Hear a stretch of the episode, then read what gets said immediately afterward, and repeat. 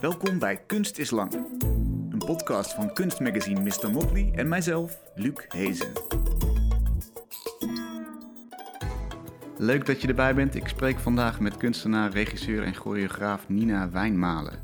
Ze studeerde af in fotografie en video, maar is de kant van performance opgegaan.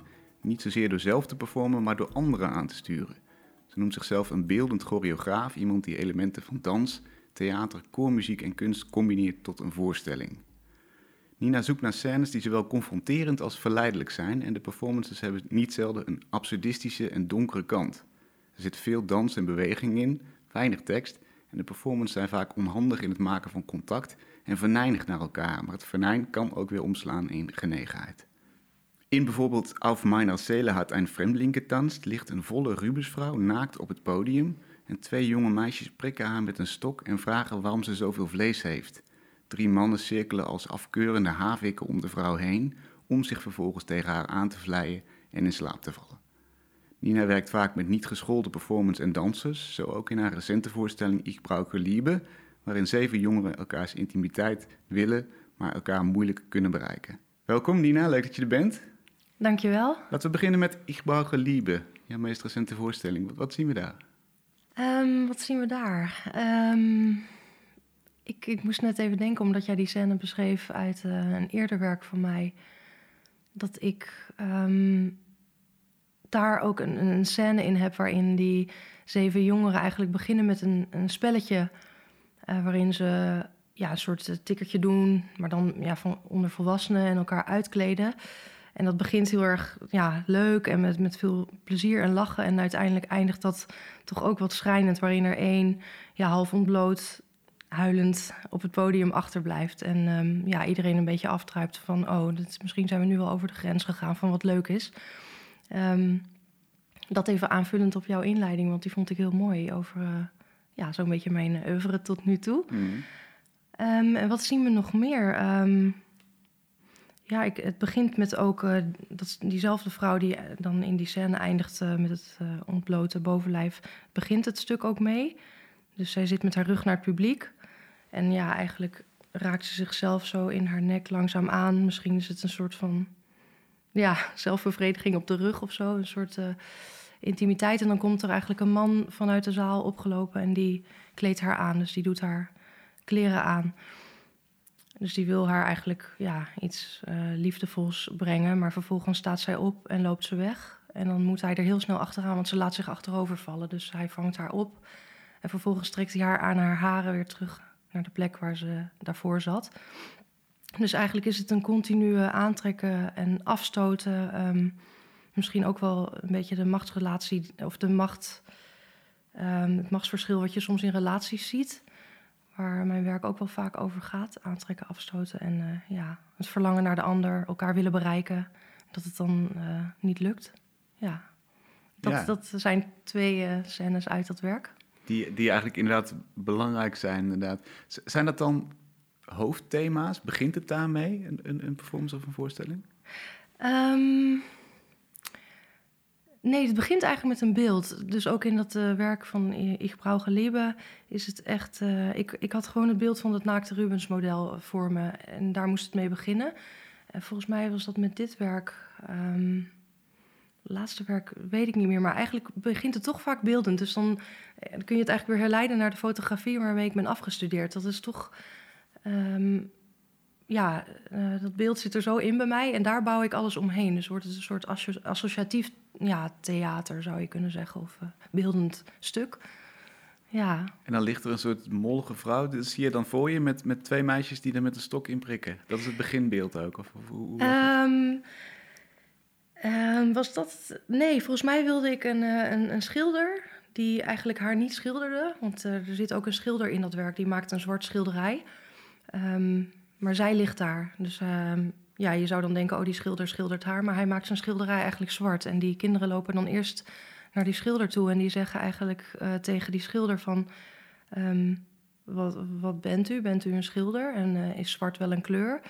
Uh, volgens mij bent u helemaal geen uh, schilder en geen kunstenaar. En uh, zij snijden dan dat zwarte vlak eruit en maken daar hoedjes van papier van. Dus zij zijn eerst eigenlijk die eh, ja, ze ondermijnen eigenlijk misschien een soort, ehm, ja, hoe noem je dat, moderne kunst. Mhm. Ja, het eh, zwarte vlak. En eh, daarna ehm, richten ze hun pijlen op die vrouw. Dus ja, het beginbeeld, ik weet niet hoe ik erbij kwam. Ik lig dan in bed. Vaak komen mijn beelden altijd s'avonds als ik ehm, voor het slapen ga, als ik echt helemaal de rust heb. En dan eh, maak ik een combinatie van, oh, misschien eerst die schilder en dan daarna wil ik iets met die vrouw. Het verhaal volgt vaak wat later. Ja. Ja. Dat betekent ook dat je altijd aanstaat, dus dat er altijd een beeld tussendoor kan komen, of is dat niet zo? Ehm, nou, ik, ik weet niet of ik altijd aansta. Ik vind dat ik heel langzaam werk. Dat vind ik soms wel jammer. Ik maak denk ik maar één werk per jaar. In die zin of ik de hele dag aansta, dat niet. Maar in het proces van als ik eenmaal met een stuk bezig ben, ehm, dan kan er wel, eh, kunnen er heel veel veranderingen weer tussendoor komen. Ja, dat klopt. Ja. Van wat past nu het beste? Dan is het eigenlijk toch een beetje alsof je iets op een schilderij plaatst. Kan ik me zo voorstellen. Ik ben natuurlijk geen schilder, maar van wat hoort daar en wat hoort daar. Zo werk ik ook wel met die beelden. Van wat past nu het beste eh, naar wat. Associatief ook voor een toeschouwer. Van what makes sense. Eh, ja. Dus het beeld is eigenlijk leidend en, en daarna ja, volgt het verhaal. Ja, ja zeker. Ja, ja, ja, ik denk soms nog steeds dat ik ergens een eh, verkapte fotograaf ben eigenlijk. Met een heel groot eh, Ja, podium. ja, van- klopt. Ja. Ja, en uiteindelijk komt er natuurlijk ook geluid bij, wat je bij fotografie niet eh, hebt. Eh, misschien kan een foto dat wel ergens nog verbeelden, geluid, weet ik niet. Maar ja, ik heb ook vaak wel koorzang. En ehm, om mensen toch in een bepaalde staat te brengen Mhm. van eh, focus en concentratie. Vind ik ook belangrijk voor de spelers, omdat ik met amateurs werk. eh, is het ook belangrijk voor hun dat zij eh, met het publiek eigenlijk in een soort gezamenlijke energie komen. Dat is wat ik probeer. Ik weet niet of dat lukt, maar dat is Ah, ja, precies. waarom ik ook geluid. Ja, want het leek me leuk om een aantal van die elementen die vaak in jouw werk voorkomen te bespreken. Om te kijken wat Mhm. betekenen ze dan voor jou. Dat zijn natuurlijk ook Ja. een soort van beelden. Inderdaad, dat zangkoor, altijd klassieke liederen. Hè? Ja, Geeft het ook iets, iets eh, zwaars of iets, iets eh, serieus wel? Als ehm, inleiding? ja, Wat betekent het voor jou? ja. Tja, ik moet even nadenken. Wat betekent dat voor mij? Ik ben totaal niet religieus opgegroeid, maar ik, ik vind het gewoon heel mooi, denk ik. Ik vind het echt mooi. Ook, eh, ehm, ja, ik ben nu bezig met de Tilburg Byzantijns Koor. Die gaan een liturgie zingen. En het, voor mij raakt het eigenlijk, denk ik, meteen de ziel en niet het hoofd. Ik denk dat, mijn werk, dat ik met mijn werk ook vaak via het hart naar het hoofd wil in plaats van andersom. Ehm, en dat is ook wat die muziek met mij doet. Het breng- brengt me een beetje in een melancholische staat, misschien ook tijdloos. Ehm, ja, het, de schoonheid en het lijden. Misschien heeft, heb ik toch ook wel een beetje iets, ik weet niet of dat Calvinistisch is of zo, maar iets dat het ook, het leven is ook lijden, maar het is ook schoonheid. Ik denk de pijn en, eh, en het plezier tegelijk. Ja. Ja. Maar ja. mhm. En inderdaad, die, eh, de, iedereen op, op, dezelfde, op hetzelfde niveau krijgen, dezelfde Ja. energie. Dat is natuurlijk ook wat muziek kan doen. Ja, klopt. En een soort abstracte plek introduceren waar, waar die uit de tijd getild is Ja. eigenlijk. Klopt. Ja, dus dat, dat is inderdaad ook wat het ja, meebrengt aan het werk, zeg maar. Ja. Ja. Jonge meisjes zag ik ook, met vlechten in hun haar. mhm. Wa- Waarom die? Nou, ik denk wel dat ik vaak eh, kinderen in mijn werk heb gebruikt, omdat zij ook een soort. ehm, zij vellen vaak een oordeel over die volwassenen, zoals bij die eh, schilder of bij die eh, stevige vrouw. Of Mhm. ik heb ze ook wel eens eh, onder, aan een oksel of een vrouw een androgyn type op het podium laten beruiken en bevoelen. En dan vragen ze van, ja, wat ben je eigenlijk? Ben jij een man of een vrouw? Waarom draag je dan zulke schoenen? Het zijn dan hakschoenen. Ehm, en ook wel een andere groep kinderen in mijn werk gehad die ook zeggen, goh, ben jij een jongetje of een meisje? Ehm, dus ik heb het gevoel dat als kinderen oordelen misschien wat eerlijker en stellen zo'n vraag past misschien iets eerder bij kinderen. Wij denken het vaak hè, als volwassenen. En ja, dan moet je verantwoordelijkheid nemen van, oh, ik zeg het niet. Maar vaak zien we ook alles wat afwijkt, valt wel op. Ja. En ik vind het dan een mooie kinderrol of zo om die vraag dan te stellen, die oordelende vraag. Ja. En die meisjes met de gevlochten haren deden dat in dat werk van There's No Place Like Home, volgens mij. Mhm. Ja. mhm. ja.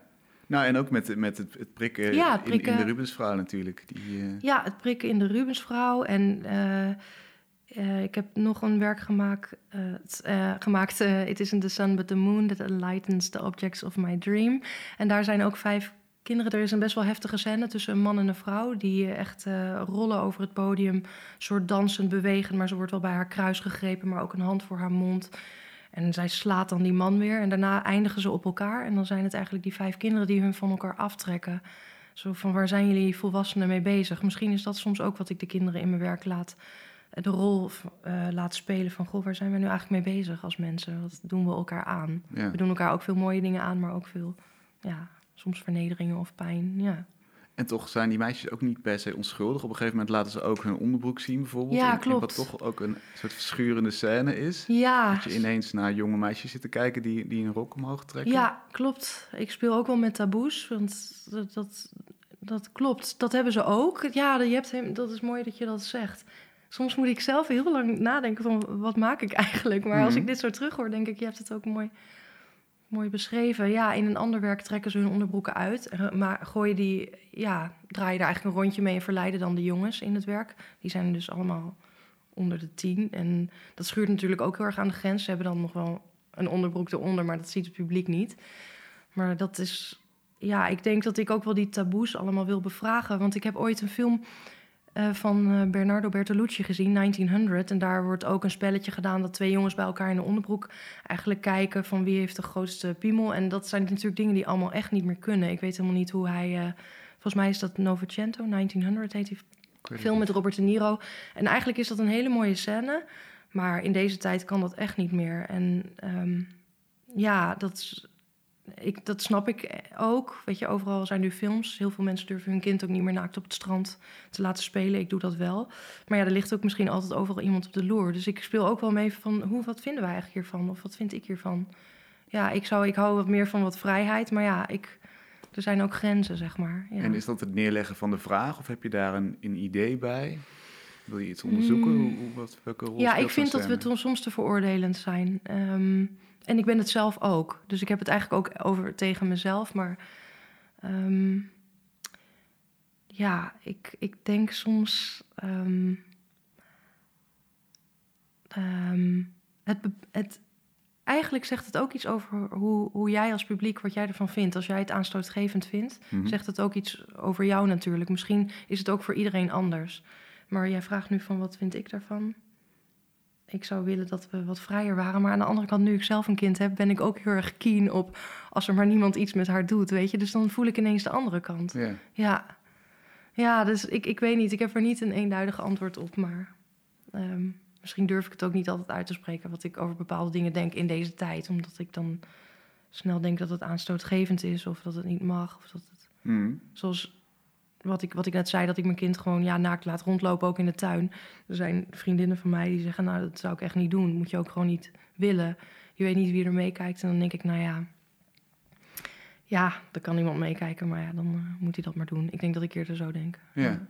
ja. Maar je zegt bijna, dat, dat kan ik niet meer zeggen tegenwoordig? Of? Nou, weet ik dat, dat gevoel heb ik soms. Dat het best wel op de grens is... Um, van wat toelaatbaar is. Ik heb ook wel eens met een vriendin besproken van... Ik, uh, de, als vader kan er een tijd komen dat je ineens je kind aantrekkelijk vindt. Hè? Van uh, een meisje van 14 krijgt borsten en vaak gaat een ouder dat dan afstoten. Die gaat dan een vader denken van, oh, ik moet daar niet te veel... Uh, want ik mag geen lustgevoelens hebben. Terwijl misschien is het als mens normaal dat je lustgevoelens hebt. Het is natuurlijk de verantwoordelijkheid, hoe ga je daarmee om? Een kind moet gewoon opgroeien en uh, daar moet je niks mee doen. Maar het ontkennen van die gevoelens, ik denk dat dat, dat en dat vind ik ook dan met zo'n hetsen over pedofilie... dan denk ik, ja, het is al erg dat, dat je zo bent als mens natuurlijk. Dat je daar last van hebt. En het mag niet, maar ik ben nooit zo zwart-wit. Misschien heb ik dat met al die grote thema's, met moord, met eigenlijk met alles. Dat ik denk, ja, we zijn allemaal mensen. Niet iedereen is zo gek, maar we zijn wel allemaal mensen. Ik kan me heel veel voorstellen. Hmm. Dat, en welke rol speelt kunst daar dan in? Door het op een podium te zetten. Hmm. Wat doe je dan daarmee? Ja, ik denk dat ik aan de kijker eigenlijk ehm, misschien wel wil bevragen van wat is jouw eigen verantwoordelijkheid? Of hoe neem jij verantwoordelijkheid? Hoe, hoe kijk jij hier naar? Wat doe jij?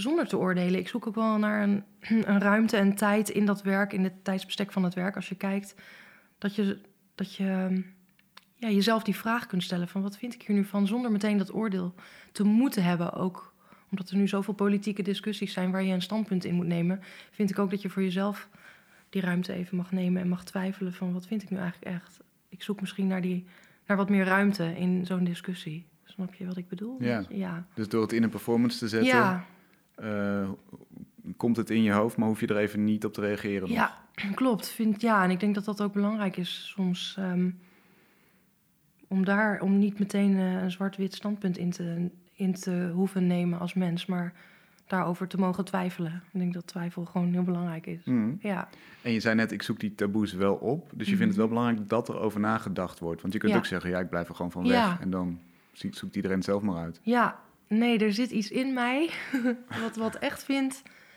dat. ehm,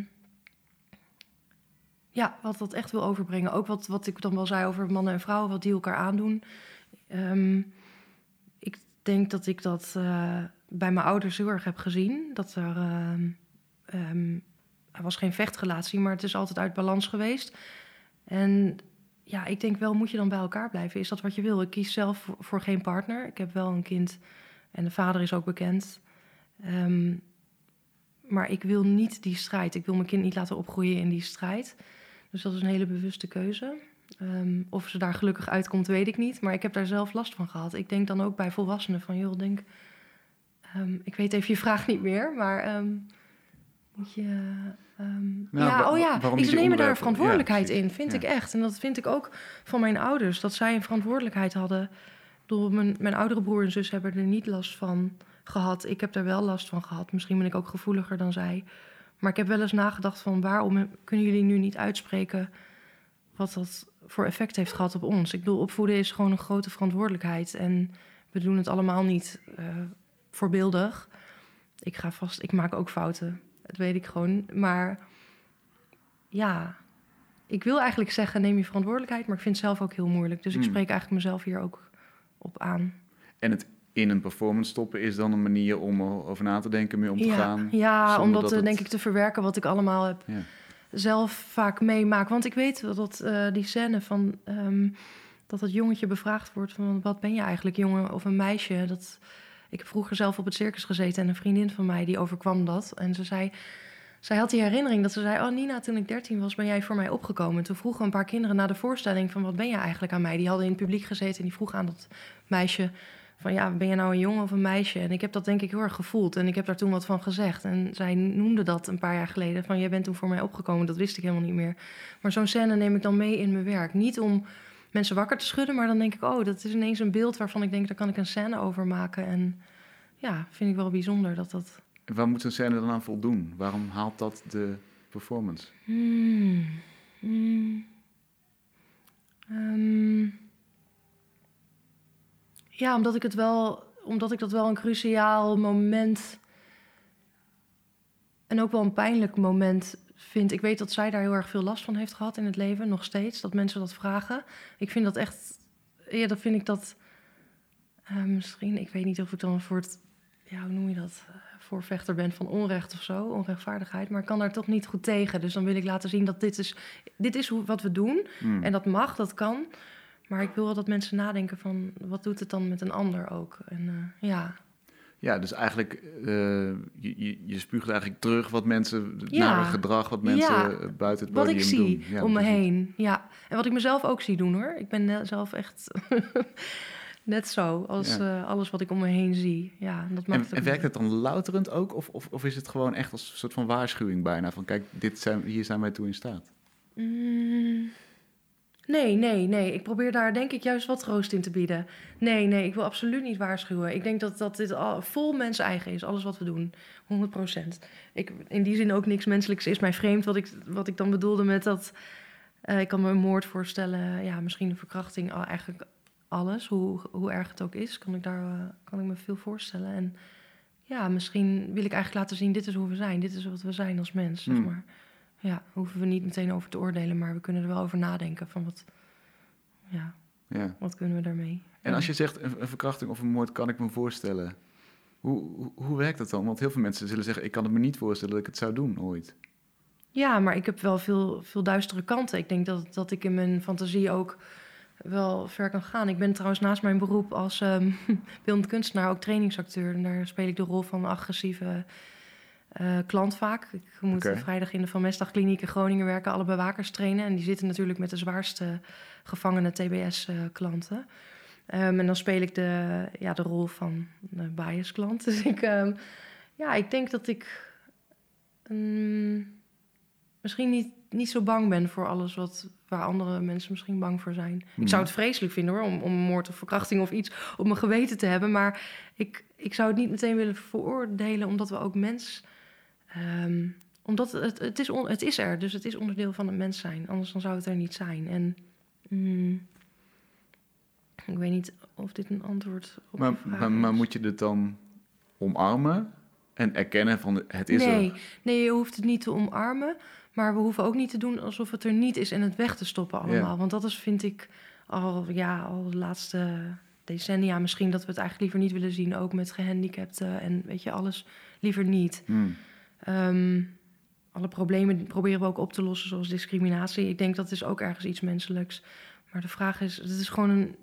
ehm, het zijn complexe problematieken die je misschien ook niet zo makkelijk oplost. Maar om meteen een stelling in te nemen van ja of voor of tegen, dat vind ik dan niet werken. Maar eerder onderzoeken van wat maakt nu dat ik kijk naar iets wat afwijkt. Of wat, ja, ehm, En als jij zegt, ik ben Ja. trainingsacteur, dan, dan heb je natuurlijk... Dan moet je je per definitie inleven in bijvoorbeeld een agressieve klant in dit Ja. geval. Hè? Eh, dus, dus dan treed je eigenlijk een beetje in, in de voetsporen, om het zo maar te Mhm. zeggen. Is er dan... ehm, kom je dan dichter bij zo'n daad? Want ik denk dat, heel, dat het mechanisme voor heel veel mensen is... als ik, me er niet, eh, hè, als ik, als ik er niet over nadenk dat ik dat zou kunnen doen... dan gebeurt het ook niet. Want het, dan blijft het zo'n onbekend terrein voor mij. Terwijl als je het gaat ontsluiten, misschien komt er dan een soort glijdende schaal. Of hoe, hoe, hoe kijk je Ah, vanuit, zo, vanuit ja. dat idee? Zo, ja, dat, dat zou dan zijn dat als ik. ehm, het, het schijnt wel zo te zijn dat als je eh, veel. Eh, ik wek natuurlijk veel cortisol, zeg maar. Dat hormoon gaat vaak aan. Als je een agressor. Ik, ik speel vaak een agressor. Ja. Het schijnt niet zo gezond te zijn, want het is gewoon je stresshormoon wat eh, opspeelt. En, vechtstand, als ja, je vechtstand. Ja. en dat maakt ook dat je wat opgefokter bent. Dus het is ook niet goed om dit ehm, elke dag te doen. Maar of ik het me eerder kan voorstellen, weet ik niet. Ehm, ik weet niet of ik dichterbij kom door, door dat beroep uit te oefenen. Maar ik weet wel dat ik. ehm, ik ben wel manipulatief. Dat heb ik ook uit mijn jeugd meegekregen. Dat kan ik goed. En dat is ook belangrijk voor dat beroep. Als, ja, in, eh, er is heel veel ehm, persoonsgerichte instrumentele agressie in de maatschappij. En dat heeft vaak met manipulatie en intimidatie te maken. Dus dat is eh, iets waar ik goed in ben. Maar dat komt ook voort, denk ik, uit wat je kent. Mhm. Van, dat zal mijn vader niet leuk vinden. maar ik ken het wel van mijn vader, zeg maar. Mhm. Het heeft ook goede kanten, maar het heeft ook negatieve kanten. Dus ik denk eerder dat ik, dat ik me... Misschien ook door de vrije opvoeding van mijn ouders me veel kan voorstellen. Ik denk dat zij eigenlijk wel net zo over dingen denken als ik. Dus Ja. ik weet niet of het per se... Of dit werk het mij dichterbij brengt bij het begrijpen ervan. Nee. Ik kan het goed doen omdat ik het altijd al in me heb gehad. Ik denk dat. Ja, ja. Terwijl het, het, het laten zien op toneel is natuurlijk ook een manier van iets dichterbij brengen en, en, en Ja, mensen ermee Klopt. in aanraking Ja. laten komen. Ja, dat klopt absoluut. Ik denk dat ik een soort van die onderlaag wil aanraken. Het onderbuikgevoel van mensen. Ja. Ja, Maar dan op een veilige manier, want je zit in de Ja, zaal. klopt. En, klopt. En ik ben ook helemaal geen eh, activist. En ik ga ook niet de politiek in. Weet je wel, ik kies wel een... En, want ik hou ook echt van die vorm van kunst. Dat je kunt verleiden met beelden. Dat noemde jij mooi in het begin. Ik, ik hou ook van een bepaalde esthetiek of zo. om- Mhm. Een vorm om het in te gieten. En dat is, vind ik bij kunst heel... Ja, heb ik daar echt mijn vorm in gevonden. Ja. Moet het publiek iets denken of voelen als ze de zaal ik uitlopen? wil dus ook niet belerend zijn. Misschien is het, kies ik daarom ook voor kunst. En eh, ik wil ook echt dat het vrij blijft voor een toeschouwer. Ja, je kunt de zaal uit zo- lopen, dat zou ik jammer vinden. maar ik bedoel, ehm, vaak zitten mensen dat wel uit. Maar ik merk wel dat mensen dat ze het indringend vinden en vaak ontroerd zijn. Of dat ik iets raak wat ja, pijn doet. Ja. Maar ook wat, wat, wat ontroerend is. Dus het heeft twee kanten. Ja. Hoeveel van jouw eigen leven zit er in wat je op het podium brengt? Alles. Alles is... Ik, nou, ik denk wel... Oh, oh, je bedoelt ook letterlijk in, in scènes ja, of zo? bijvoorbeeld. Of, ehm, of welke emoties en Mm, ideeën. Alle emoties wel. En misschien de scènes niet allemaal. eh, moet ik even nagaan wat ik allemaal heb gedaan. Nee, ik denk wel veel eigenlijk. Ja. ehm, ja. Ik. ehm, Ja, ik denk het wel. Ja, ik, En kom je daar persoonlijk dan verder mee? Wat, wat, wat brengt dat jou? Of is dat nou eenmaal gewoon de manier van werken en kan het niet anders? Hmm, ik weet niet of het mij echt verder brengt. Soms denk ik, ik denk na elk werk, oh, ik stop ermee, want ik vind het echt een zwaar proces ook om, om te doen. En waarom moet het allemaal zo zwaar? Ik krijg ook vaak gewoon in die periode, ik vind het gewoon ook echt zwaar om te creëren. Ja. Gewoon, eh, Als je die laatste Ja. voorstelling eens neemt, Ja. waarom is dat inhoudelijk, zeg maar, thematisch? Waarom denk je dan daarna van, ik ga dit niet meer doen? Ehm, omdat ik negen maanden ook met eh, zeven mensen heb gewerkt, elk weekend. Ehm, en ja, ik vind het super intensief. Het zijn, mensen zijn allemaal complex. Ik ben dat zelf ook. En ik laat ze oefeningen doen, waardoor ze ook onder de oppervlakte kijken bij elkaar. Dus eh, ze kijken elkaar heel lang aan in stilte en moeten dan benoemen wat er bij die ander gebeurt. Ehm, dat is een oefening die ik eh, ergens weer heb eh, afgekeken van een vrouw waar ik ooit les heb gehad. Vind ik echt een hele bijzondere oefening. Onder de ijsberg heet dat. En daardoor ehm, raken zij ook een punt van oordeelloosheid. Maar dat zijn super intensieve processen, want ik moet het ook begeleiden. Ik ben geen therapeut, maar ik ben er ook voor nazorg. Mensen moeten vaak huilen, ook de spelers. Mm. Dat is allemaal ter voorbereiding van het werk. En ja, je hebt gewoon met mensen te maken. De een die ehm, eh, heeft dit, de ander dat. Dat krijg je ook elke week mee. En ik voel van, na die negen maanden denk ik dan van... Oh, jezus, ik, ik kon echt anderhalf jaar... Ik heb ook een kind gekregen, maar even niet meer... Ik wilde even niet meer investeren in, in mensen... omdat ik het gewoon te zwaar vond. Dat ik dacht van, oh, het kost gewoon energie. En het geeft ook energie, maar het kost ook energie. En waarom moet het onder de huid zijn? Waarom moet het zo, zo bijna psychologisch, die intensiteit, waarom moet Ja, het ik, die kan, hebben? ik kan niet ander werk maken dan wat ik maak, denk ik. Ik denk er niet over na waarom dat zo moet. Het moet dit moet het zijn. Ehm, Je kan toch ook gewoon een leuk stuk maken? Zonder elkaar eerst af te breken. Weet je dat mensen dat... Ik ben afgestudeerd met een soort videowerken. Creatief met kurkachtig, hè? En ik weet dat heel veel mensen toen zeiden... oh, hier moet je mee doorgaan. Het is een beetje Arjan Edeveen-achtig. Je moet een, eh, een, eh, regisseur erbij zoeken. Maar toen dacht ik, ja, mensen staan ervoor. Die klappen, die vinden het heel grappig vooral. Maar de lach is ergens ook nog... heeft een redelijke afstand nog tot je binnenwereld. En ik wilde echt dat er iets gebeurt in een ander. Nog een diepere laag aanroeren of beroeren, zeg maar. Of aanraken daarom heb ik hiervoor gekozen. En ja, veel mensen zijn misschien afgehaakt omdat ze mij dan te serieus vonden. Maar dit is echt wie ik ben. Ik wilde ook die diepere laag in mezelf aanboren. Ik denk dat ik. ehm, ik vond die oppervlakkige stereotypen heel leuk. Maar ja, dat was een keer uitgemolken. En dit is een soort laag die voor mij ehm, altijd interessant blijft en broeit of zo. Ja. En als je dan zegt, inhoudelijk was ik na die negen maanden ook wel klaar met het, het thema liefde, omdat het ook je, natuurlijk je eigen geschiedenis eh, betreft. Mhm. Wat, wat, eh, wat is daar dan in veranderd? Of wat, eh, waarom dacht je, oké, los van het werken met mensen, ook heb ik nu het thema liefde wel even gehad? Het was niet bewust. Ik weet niet of, of ik dat heb gezegd dat ik het thema liefde loslaat. Maar Hmm. ik heb wel besloten, inderdaad. Ik was toen ook in dat proces trouwens zwanger, die negen maanden. Dat was echt, echt, echt toeval. En ik, moest, ik was uitgerekend op de première van dat werk. Ja, en toen moest ik natuurlijk... Het was wel bijzonder, want ik moest ingeleid worden omdat het niet goed ging. En toen zei ik tegen die dokter, maar ik heb nog een première, weet je, over vier dagen. En toen zei hij, ja, Nina, je hebt het over ehm, jouw kindje braucht nu liebe. Want ik had aan die dokter verteld waar de titel van mijn werk. Je moet het nu loslaten, zei hij. Nu komt er iets anders wat jouw liefde nodig heeft. En ik, ik ga bewust geen relatie met een man of met een vrouw of met een partner aan. Maar iemand zei natuurlijk ook wel tegen mij van... dit is een relatie voor je leven. Weet je wel wat je hebt gedaan? En dat Hmm. is het nu ook. Ik vind het super complex. En, En en hoe heeft het, het krijgen van een kind dan met het thema liefde zich verhouden op dat moment? Ehm, mm, ik denk dat ik in de liefde met een partner vaak op zoek was. Daar was ik ook heel manipulatief. Dus of ik delfde het onderspit, of ik was, eh, zat een beetje. Ja, ik ging me heel vaak aan mezelf ergeren in relaties. En ik probeer in de relatie tot mijn kind heel zuiver te zijn. En heb, heb je een voorbeeld van zo'n ergernis? oh, alles. Ik erger me aan alles. Van, van, van een ander. Nee, van, je zei Of- ik ging maar mezelf Oh, ik ergeren. ga me aan mezelf ergeren dat ik mij eigenlijk erger. Ik erger me nou. Ik ben zelf ook iemand die heel snel oordeelt over de ander. Hoe dichter bij iemand komt, hoe vervelender ik word. En ik ga me dan ook heel erg aan mezelf ergeren. Dus ik wil. Het kost mij heel veel energie om een relatie in balans te houden. En ik dacht, ja, ik wil mijn energie in dit leven niet daaraan besteden. Dat wil ik aan mijn werk of aan een kind. Ja, daar moet ik het ook in balans houden. Maar ik heb met, ik denk in de dynamiek met een, met een man. Vind ik lastig. Dus dan kies ik ervoor om dat niet te doen in dit leven. Misschien Dus continu toe. onder de oppervlakte. te prikken en te kijken. Is dat Ja, ja, ja, ja. Ik kan, ja. Ja, als ik, de, als ik de ruimte krijg, dan word ik best wel negatief. En als ik geen ruimte krijg, dan ga ik voor die ander zorgen.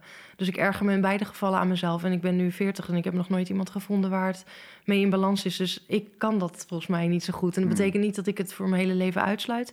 Maar ik vind het wel fijn om nu na 40 jaar daarin rust te hebben en me te kunnen focussen. Ja, nou nu op de opvoeding van mijn kind, maar ook op, eh, ja, op mijn werk. Op, ja, Heeft dat andere ideeën over liefde in je, in je wakker ge- geroepen? Mm, het hebben van een kind? Nou, eigenlijk niet. Nee, dat is misschien best wel een deceptie. Maar ik. Nou nee, maakt niet uit, ehm, of of misschien zijn er andere moeders die zeggen: nee, dit is zo onvoorwaardelijk of zo. Ehm, nee, want ik. Nee, als ik heel eerlijk ben, ja, dat vind ik best wel erg om te zeggen. Maar. Zij is natuurlijk net als alle andere mensen waar ik me aan kan ergeren, mijn eigen kind. En dat, ja, dat kom ik nu weer tegen. En dat is iets waar ik mee moet omgaan. Hmm. Dat ik dat lastig vind. Ja, Waarom is dat erg om te zeggen?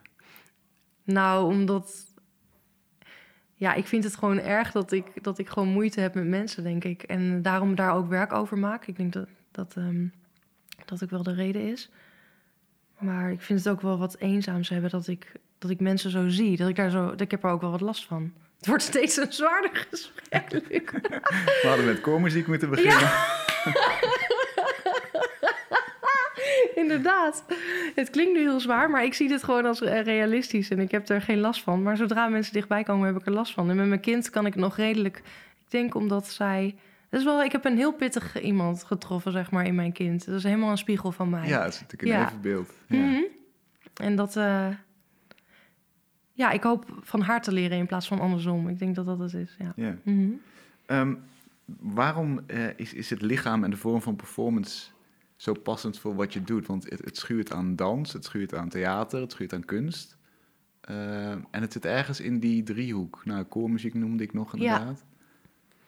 Ehm, het menselijk lichaam, zeg maar, waarom Ja. ik dat als materiaal gebruik Ja. ook.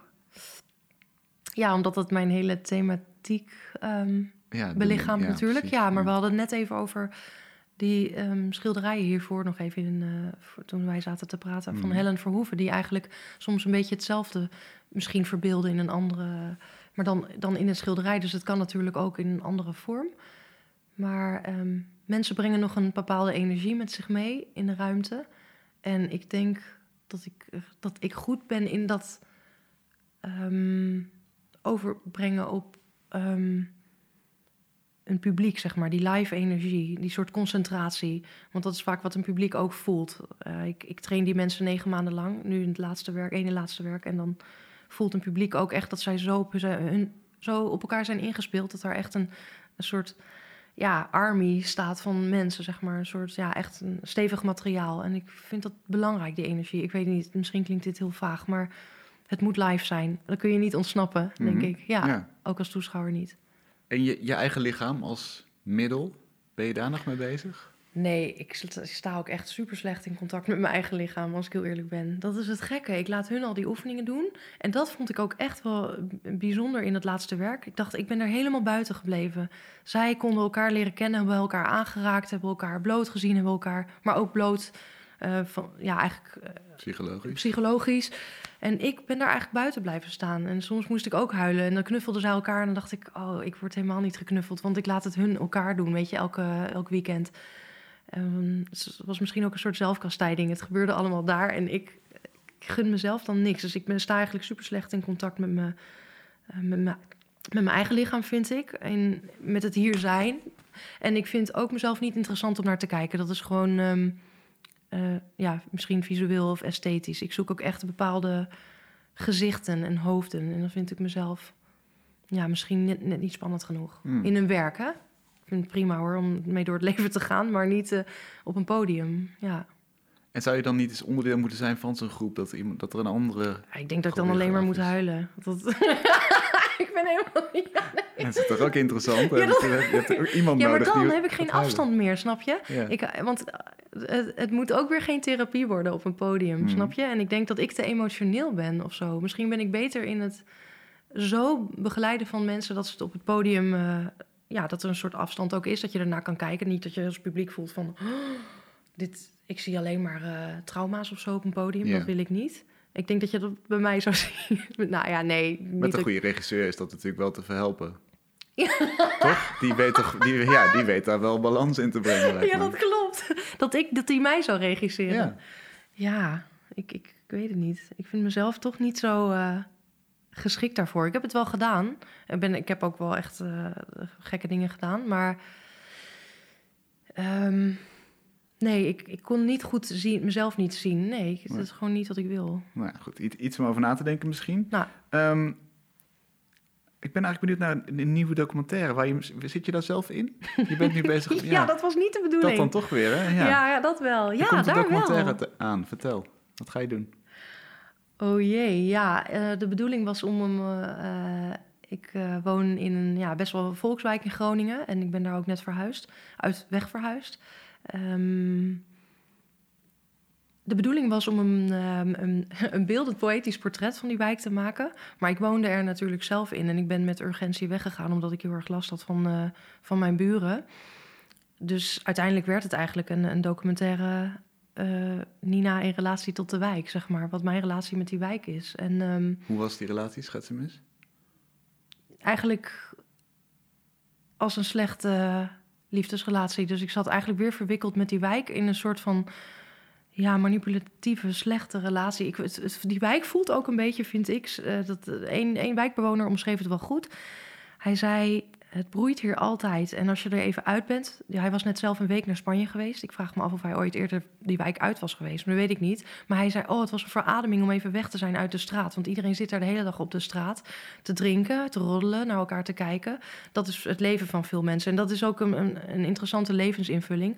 Maar er is ook een soort, altijd een spanning en een soort onveilige gehechtheid die ik ook voel in die wijk. Alsof ze elkaar allemaal opzoeken daarin. En die dynamiek heb ik denk ik ook gehad met de wijk. Heel veel mensen wilden iets van mij, want die begrepen misschien niet dat ik als vrouw daar alleen woonde. En er ook voor koos om geen man te hebben. Dus al die mannen dachten, oh, waarom wil je niks, weet je? Mogen we niet wat proberen? Mm. En ehm, met de bovenbuurvrouw kreeg ik dan eh, ja, heel erg ruzie. Dus ik, ja, ik kan daar dan ook niet uit. Want ik, ja, ik, eh, hoe noem je dat? Ik raak daar dan ook een beetje in verwikkeld. Dus die documentaire gaat eigenlijk, die is best wel rauw geworden. Ik weet ook niet waar ik hem kan laten zien, want. Ehm, omdat het, ja, eh, hoe moet ik dat uitleggen? Sommige wijkbewoners ehm, willen ook hun privacy, zijn heel erg bang om eh, naar buiten te komen, zeg maar. Ehm, dus dat heb ik ook wel ervaren. Ik, ik had een cameraman, maar ik zeg ook ergens in het begin van die documentaire... ik ben nog aan het monteren, nou, mijn cameraman is opgestapt. het was meer dat hij niet kon, maar ik kan ook helemaal niet met, met een cameraman binnenkomen bij die mensen. Ik voelde al dat, mijn, dat, dat het al voor die mensen heel spannend was als ik binnenkwam. Laat staan dat ik nog iemand zou meebrengen met een camera. Nou, dan was er niks gebeurd. Dus, ehm, Wat voor mensen heb je dan geïnterviewd? Schets ze eens. Ehm, ik heb een, ehm, een, een vrouw geïnterviewd die, waarbij ik binnenkwam. Ik zag een Michael Jackson handdoek buiten hangen en daar wilde ik een eh, foto van maken. En toen zei ze, oh je mag wel even binnenkomen, want die is van mijn kleinzoon. Die ligt hier in de kamer. Toen zei ik, oh, die ligt hier in de kamer. Toen zei ze, ja, want ehm, eh, zijn, ik verzorg hem. Toen zei ik, hoe oud is hij dan? En die is nu 18. En zijn moeder die was eh, alcoholist en die had anorexia. En eh, die rookte zes pakjes per dag. Dus hij is er gehandicapt uitgekomen. Dus die kleinzoon lag daar. En daar zorgde zij elke dag voor. En haar zoon, dus de vader, ja, die had weer een, een vrouw en een kind bij. Ja, die had een andere vrouw en een kind gekregen. Dus die zorgde ook niet voor zijn eigen kind. Dus toen dacht ik, jeetje, wat een verhaal weer. Een vrouw met een kleinzoon. En daar kom ik dan gewoon bij binnen. Dus dat vond ik wel, ja, heftig voorbeeld. Maar ook wel bij een jongen die eh, zo'n hele jaap achter op zijn hoofd had. En die op zijn zesde ergens uit is gevallen, zeg maar. En daar ook wel een soort van, ja, ehm, iets aan over heeft gehouden. En die ja, eigenlijk ook de hele dag op straat zit en graag biertjes drinkt. Nou, nu wel een beetje werkte, maar ook ja, liever niet als het niet nodig is. Ehm, ik wou nog een jongen die eigenlijk, ehm, volgens mij is hij Turks, maar dat weet ik niet zeker. Die, die loopt eigenlijk de hele dag de straat in en die roept: Hey, hoe gaat ie? Ehm, die is denk ik verstandelijk beperkt. Ehm, maar sommige mensen reageren daar heel gek op. Want hij is ook heel open. Hij zegt dan, waar is je man? Waar is je vriend? Bijvoorbeeld hè, bij mij, waar je dan de hele straat bij stond. En niet iedereen is daarvan gediend. Dus hij krijgt ook heel snel ruzie. Maar hij doet dat niet expres. Hij heeft eigenlijk misschien de eerlijkheid van, van een kind weer. En ik ben een dagje met hem meegelopen. En dan merk je ook van wat een bijzondere reacties krijgt hij. En ja, iedereen is even verbaasd van wat is dit voor vraag? Uh, wat, wat wil deze jongen? Of wat is er aan de hand? En dan nou ja, allemaal wel bijzondere types, zeg maar. En daar zit ik dan ook zelf weer tussen. Ja. en, um, maar ik ben echt ik, moeilijk hoor, want ik kan helemaal niet goed uh, filmen. Dus het was heel trillerig. En dan durfde ik mijn camera maar niet op hun te richten. Want dan dacht ik, ja, ik heb het niet gevraagd. Dus ik moest echt helemaal onderzoeken van... ik ben helemaal geen documentairemaker. Wat wordt dit eigenlijk? Dus het, uh, maar het was, een, het was een mooi begin. Ik voelde wel weer ineens dat ik ruimte had voor de ander. Wat ik heel lang niet had gehad na dat werk van Ich Geliebe. En dat ik ineens dacht, oh, dit vind ik wel ook heel spannend om te doen. Om, om mensen daarin te benaderen en daar een, een, ja, een portret van te maken. Dus het smaakt ook wel naar meer. Ja. ja. En schuurt dit dan weer tegen die, die donkere kant aan van wat een mens kan zijn, of wat, wat in, in dit geval in de samenleving? Ja, maar hier verbeeld ik het niet. Hier is het er, denk hier ik. Is het er, ja, dit is het, precies. en dat is nog directer. Ja. ja, en ik heb vroeger wel eens gedacht. Um, want toen maakte ik veel documentaire fotografie. Maar dan dacht ik, ah, maar dit, is, dit bestaat al. Ik wil iets origineels maken als kunstenaar. Het moet uit mijn hoofd komen. Maar ik voel toch weer een beetje trekken naar deze hele directe vorm. Die ik ook wel. Ja, het materiaal is er eigenlijk al, snap je? Mhm. En dat, uh, dat, is aan mij om daar wat van te maken. Dus wie weet. Wie weet wil ik hier ook wel weer een, een uitstapje naar maken. Ja. ja. Het is ook een manier om weer nou, taboes of dingen die je liever absoluut. wegdrukken. Absoluut. Ja, want ik kom... ik heb natuurlijk wel oordelen, maar ik kom eigenlijk zonder oordeel binnen. En het zijn allemaal bijzondere verhalen. misschien dacht ik ook wel... Ik had een Afghaanse buurman uh, daar en die floot elke dag. Dat deed hij naar, naar iedereen, maar hij floot ook naar de vogels. Maar... Um, en, en altijd als ik hem op bezoek had, dan trok hij me nog even naar zich toe... en dan gaf hij een kus... En dan, uh, ja, hij wilde eigenlijk ook wel graag, uh, weet ik veel, met me naar bed. Maar dan zei ik, nee, dat doen we niet, Jan. Ik vind het prima, je mag hier wel koffie en thee drinken. Maar in het begin dacht ik ook, wat moet ik met zo'n Afghaanse buurman, joh. Weet je, daar heb ik helemaal geen tijd voor. Maar we hebben ook, los van dit, dat het dan ook weer een beetje over de grens gaat... hebben we ook leuk contact gehad. Hè? Ik heb dan een mooie boom van hem gekregen. En we hebben, um, ja, hij heeft verhalen verteld over zijn land. Dus er, ja, er zijn ook hele mooie momenten geweest. En dan laat ik mijn oordeel ook een beetje los. Van, oh ja, Um, ja, die man probeert er hier natuurlijk ook het beste van te maken. En uh, ja, hij fluit af en toe naar de vrouwen. En hij is misschien een beetje seksueel gefrustreerd of heeft daar andere denkwijze over. Ook hoe vrij wij hier naakt rondliepen, vond hij maar allemaal uh, aanstootgevend. Het gaat wel weer over wat wij allemaal kunnen zijn. Dus net zoals in mijn andere werk gaat het over alle, alle, alle vormen die wij als mens eigenlijk zijn. Ik denk dat al die mensen in die wijk en ikzelf natuurlijk belichamen dat ook weer. Ja het is ook een manier, uh, doordat het een kunstproject is, of doordat je met die camera in je hand staat, is het natuurlijk ook een manier om wel daar de aandacht op te richten. Want je zei net aan het begin, ik weet helemaal niet of ik tijd heb voor zo'n buurman, of ik er zin in heb. Klopt. Mensen die geen kunstenaar zijn, die lopen natuurlijk gewoon, die gaan naar hun werk toe of die zitten thuis, maar die denken, ik wil een efficiëntie in mijn leven hebben wat zulk contact niet toestaat. Maar omdat het een project is van jou, heb je ineens wel de ruimte. Ja, dat heb je heel goed gezien, ja. Kunnen we daaruit lessen trekken voor de normale maatschappij, om het zo maar te zeggen? Um, nou, ik merk wel, omdat ik heel veel door de wijk ben gaan lopen met mijn camera, zonder mijn telefoon, dat ik dacht, wauw, ik heb weer helemaal open contact. Ik sta weer aan, ik heb contact met mensen. En dit is lang geleden. Ik voelde ineens even um, ook daar om een uitstapje te maken naar dat ik de hele dag op mijn telefoon zit, net als veel anderen. Van wow, ik ben er gewoon weer ja, het, is, het maakte mijn dag eigenlijk heel fijn dat ik zoveel contact met mensen had. Dus dat, dat zou kunnen meegeven. Ik weet niet of het oordeel eraf gaat, want dat zal denk ik niet zo snel gebeuren van de ander, wat we hebben over de ander. En natuurlijk heb ik ook wel eens last van.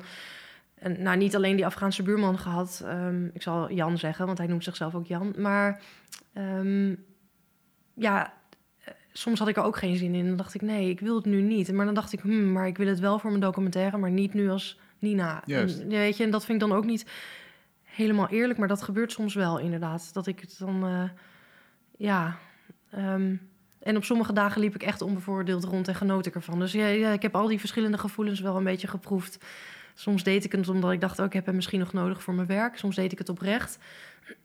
en wat zou ik kunnen meegeven? Ja, dat, dat zal denk ik iedereen altijd meegeven. Als je een praatje hebt met de ander, als je een glimlach geeft, krijg je één terug. Dus hmm. dat is altijd mooi. Dus ja, ik, je, ik zou daar wat meer tijd voor nemen, maar ik doe het ook niet in mijn leven. Ik ben ook snel weer in mijn telefoon en in mijn dagelijkse ritme. Dus dat vind ik dan toch een illusie, omdat... Ja. Ja, En het is ook een soort leidensweg, als ik je goed beluister. Het is ook weer even de toezetten en ja het doen. Er, ja, ik weet niet of dat een leidersweg is, maar het er- ertoe zetten, dat vind ik altijd zo jammer dat het zo lang duurt. Dat, het- ja, je moet het gewoon doen. Het heeft, deze documentaire heeft heel lang geduurd voordat ik de stap zette van telefoon weg met de camera de wijk in. Ik heb zo vaak mijn cameraman gebeld van... nee Joost, het moet toch anders en ik, ik, ga, ik heb nog steeds geen tijd. Ik dacht, wat zit ik lang te treuzelen? Je moet gewoon gaan. Mm, Dat is het met dit. Gewoon doen en erin duiken en eh, mensen benaderen. En dan ben je er weer in en dan is het ook een warm bad. Dan geniet je of zo. Vond ik met dit. Ja, met die documentaire. En, en als, ik, als we deze versie van kunst er nog bij pakken, dus we hebben wat op het Mhm. podium gebeurt en we hebben Ja. deze documentaire. Hoe, hoe begrijp je dan wat kunst is voor jou? Hoe, hoe formuleer je dat?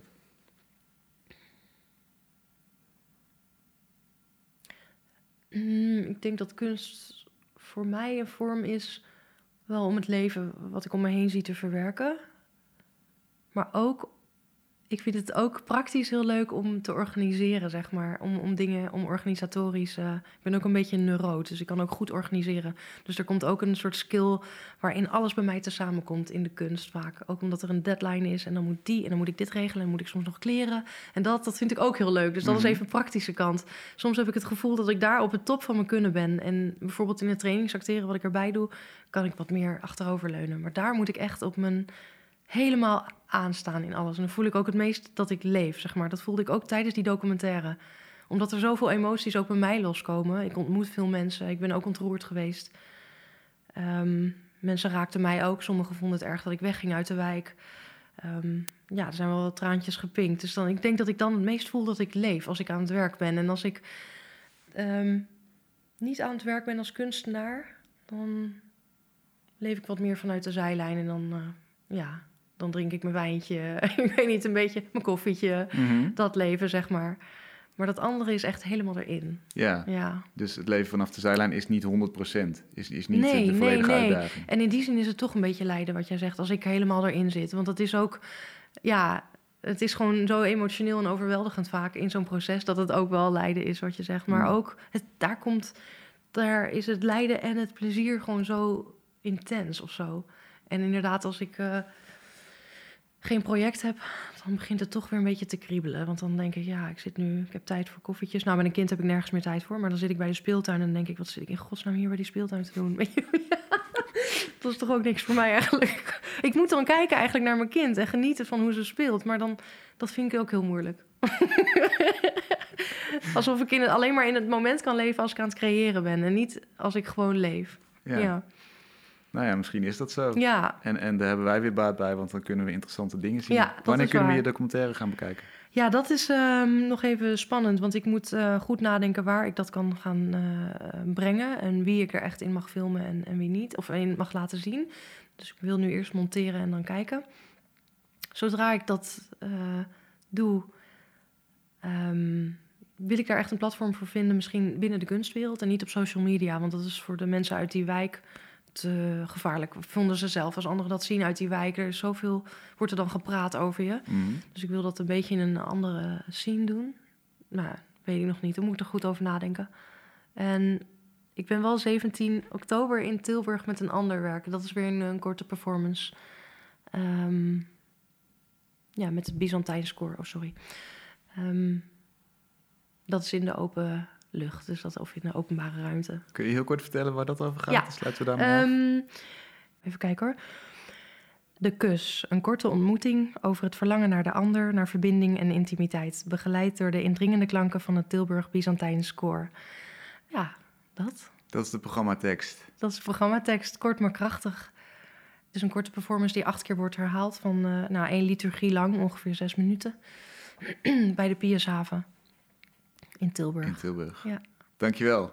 Blijf Jij ons ook. eh, de donkere kant laten zien en, eh, en, en weet dat als je leidt het ook een beetje voor ons is. Dat is in ieder geval een fijne gedachte, denk ik. Mooie afsluiting, dankjewel. Deze aflevering werd mede mogelijk gemaakt door het Amsterdams Fonds voor de Kunst, het Jaap Hartenfonds en door donaties van jullie. Veel dank daarvoor. We zijn er volgende week weer. Tot dan.